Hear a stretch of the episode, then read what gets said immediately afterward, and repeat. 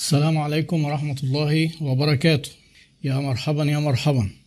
يعني الصوت تمام والصورة تمام. أخباركم إيه؟ كل سنة وأنتم طيبين؟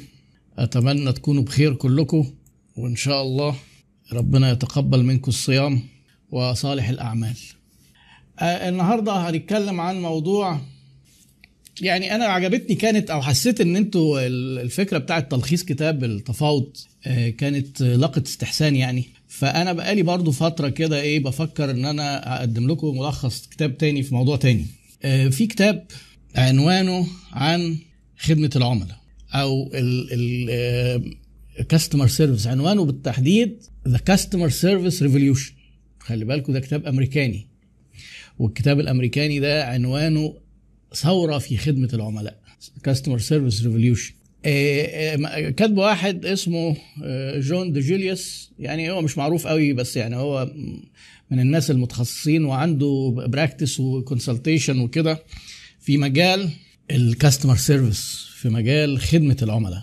ال- الراجل ده آه، يعني سبب إن هو بيقول ألف كتاب إيه؟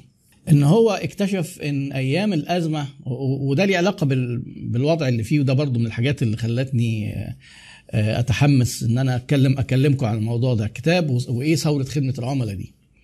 آه، الراجل قال لما آه، بعد ما عدت أزمة 2008 اللي هي بالنسبة للي إحنا فيه دلوقتي دي تعتبر يعني piece of cake زي ما بيقولوا يعني لعب عيال.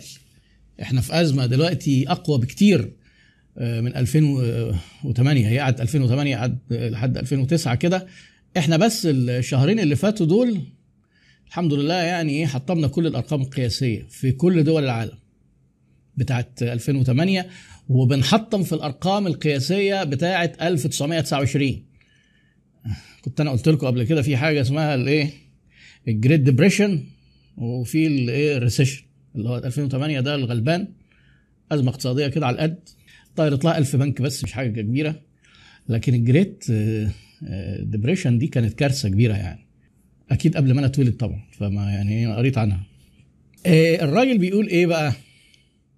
لما جم يحللوا الشركات اللي بقت على قيد الحياة وقعدوا يشوفوا كده إيه المتغيرات اللي عند الشركات دي وإيه اللي خلت إن الشركات دي آه، تستمر وتعيش لقوا نتيجة مهمة جدا.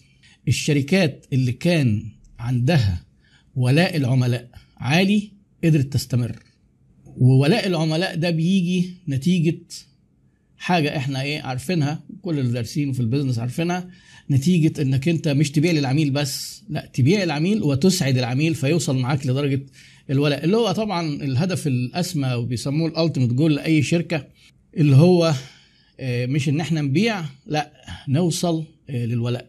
فعشان كده آه، بدأ يقول إيه يشوف كده الشركات دي كان إيه المشترك بينهم ويقعد إيه قاعد يحلل كده ويقارن شوية. وقام إيه ع- عمل الكتاب ده. وهو قال إن هو من ضمن ليه ليه ثورة؟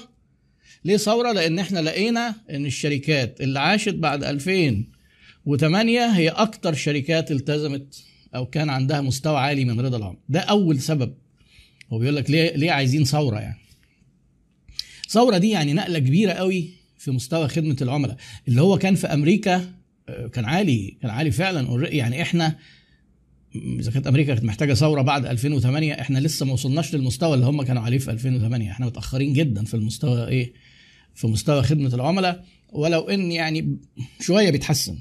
تاني حاجة الراجل قال لك إن من ضمن ال- الحاجات المهمة اللي تخلي كل الشركات تهتم بخدمة العملاء إن أنت لو عملت خدمة عملاء كويسة في شركتك آه، سعرك ما بيبقاش مهم قوي يقول لك إيه؟ برايس becomes irrelevant. السعر بيبقى ملوش قيمة. انت راجع نفسك كده عميل كعميل لو انت في شركة بتتعامل معاها ومستريح وحاسس ان هم مهتمين بيك ومدلعينك طبعا دول نادرين قوي في مصر يعني بس هنفترض يعني ان في شركة كده آه انت اول ما بتلاقي حاجة موجودة عندهم بتروح تشتريها أو حاجة انت عايزها وعندهم بتشتريها. ما بتروحش بقى تسأل وتدور ليه؟ لأن الناس دول محترمين وما يتسابوش. طب ده ممكن نسأل نلاقي حاجة أرخص أو أغلى؟ لا أرخص مش هتعامل غير مع دول. أغلى ما هيبقى مفيش حد يستاهل لأن دول ناس محترمين. ما هي دي ده الولاء. الولاء إن إيه أنت إحنا متخيلين دايما الموضوع سعر سعر. اللي مش دارس تسويق قوي بيبقى بالنسبة له بينام ويحلم حاسس إن كل مبيعاته مرتبطة بحاجة واحدة سعر. ننزل السعر عشان نبيع ننزل السعر عشان تبيع. آه، لو سمحتوا تخلصوا من الارتباط الذهني ده. الموضوع حاجات كتير جدا السعر آخرهم. يعني لازم انت تدي حاجات كتير تخلي كفة تقيلة ما يبقاش انت بتنافس على السعر. ليه بقى؟ آه، السعر بيبقى مهم لما ما بيكونش فيه فرق تاني. لما يكونش فيه فرق بينك وبين منافسينك وقتها خلاص العميل هي إيه؟ هيبص على السعر. لكن لو في فرق ومن أهم الفروق طبعا فرق في خدمة العملاء وفي إرضاء العملاء السعر بيبقى مش مهم. فاللي بيكلمني دايما على السعر آه، أنا بحاول أقول له لا هو العميل لو هيكلمك على السعر كلمه أنت على الفاليو أو شوف أنت إيه اللي بتديه غير منافسينك. ما بتعملش حاجة خلاص ما أنت اتزنقت أهو ما عندكش ميزة. إحنا بقى عندنا في مصر خدمة العملاء مهمة جدا ليه؟ الصيدليات مثلا ما هو في أنشطة مزنوقة على فكرة منتجاتها ما فيش فيها ميزة. الأدوية عند كل الصيدليات واحدة تقريبا يعني. آه، بعض أنشطة زي الملابس مثلا. يعني ممكن تلاقي الملابس اللي هي بالذات اللي بياخد إيه، مش براندد آه، هنا بقى بيجي موضوع بيجي موضوع الايه بتاع رضا العملاء. فقال لك الثورة ليها إيه؟ كذا سبب. ليه عايزين ثورة؟ أول حاجة الشركات اللي بتعدي من الأزمات هي اللي عندها ولاء العملاء وده بسبب خدمه العملاء.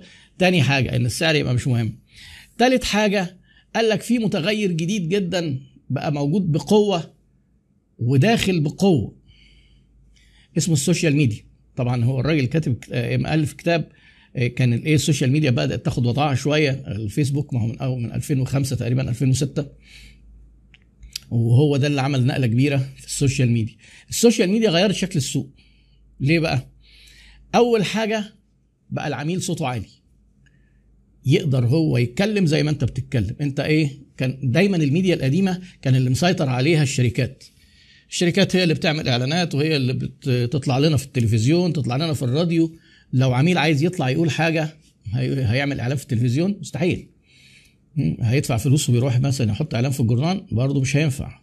فكان العميل بي إيه لو متضايق من شركة ممكن يشتكي في ال... لأن شوية الناس أصحابه اللي حواليه يعني وكان في دراسات وقتها القديمة بتقول إن البني آدم المتضايق ده آه، ممكن يشتكي ل 12 إحنا بقى بنتكلم دلوقتي عن أعداد بالألاف. بالألاف فعلا يعني. يعني كان في دراسة اتعملت سنة 2009 تقريبا إن العميل بقى بيشتكي في المتوسط ال 1000 2013 بقوا 3000 أنا أعتقد دلوقتي في المتوسط أعتقد دلوقتي الرقم ما يقلش عن 10000 آه؟ فيبقى أنت آه لازم بقى إيه تخلي بالك قوي لأن الشكوى دي هتضيع عليك زباين حاليين وزباين محتملين وسمعتك اللي أنت بتبنيها في 20 سنة دي ممكن في 20 ثانية في post في shares ويجي حد كده من ال influencers يتبنى الموضوع ويتعاطف مع صاحب الشكوى تلاقي الدنيا عندك آه، حصل كوارث يعني. يبقى ده ثالث سبب. آه. إن طبيعة العميل دلوقتي بقت مختلفة شوية. العميل بقى فاهم. برضه بسبب النت بقى بسبب النت إنه بيعمل search وبيشوف هنا ويقعد يقرأ مواصفات فبدل ما بيجي لك أنت آه، مت يعني حتى يجي لك هو العميل مش عارف حاجة وأنت بتشرح له لا يعني حتى أنا بعض زمايلي الدكاترة آه، يعني اللي بيتعاملوا مع طبق مع عملاء من آه، طبقة متعلمة بيقول لي يعني إحنا دلوقتي بقينا بنتعامل مع نوعية من العيانين آه، غريبة جدا. يعني آه، آه، مثلا إيه عيانة داخلة لي إيه حضرتك خير بتشتكي من إيه؟ تقول له أنا عندي lumbar disc prolapse يعني بتجيب بتجيب له التشخيص كده. طب أنت عرفت منين؟ بتقول له ما حضرتك بقى ما أنا دخلت قريت أنا عندي أعراض كذا وبعدين حصل كذا وبعدين حصل كذا. يعني إيه؟ دكتورة صغيرة كده راحت قرت في الحتة بتاعتها. طبعا ده في الطب على فكرة في ساعات بيبقى مؤذي أكتر لأن الطب ما ي... ما تاخدوش من جوجل وويكيبيديا والحاجات دي ما ينفعش تقرا حتة صغيرة يعني. المهم إن العيان بقى عنده معلومات والعميل بقى بشكل عام عنده معلومات فده مخلينا آه لازم نبقى نسبق توقعاته برضه. متغير خامس آه، العميل إحنا قلنا العميل إيه؟ شكله اتغير وبقت معلومات وبقى مستعجل بسبب إن إيه؟ دايما متصربع وعايز الحاجة بسرعة والخدمة بسرعة والحاجة تتصلح بعد ما يشتريها بسرعة و... إيه في حاجة كمان بقى في شركات دخلت غيرت سبقت وعملت الثوره شركات زي مثلا امازون كده وكم شركة في أمريكا يعني. آه، عملت الثوره إزاي؟ بقوا مركزين قوي مع رضا العملاء وخدمة العملاء لدرجة إن هم غيروا في المعايير. فاللي مش هيلحق نفسه لأن بقى في ناس أعلى. خلي بالكم المعايير دي معناه يعني اللي كان مثلا بيدخل محلات أو بيتعامل مع شركات زمان كان زمان ما فيش حاجة اسمها رضا عملاء ولا خدمة عملاء ولا كان في حماية مستهلك.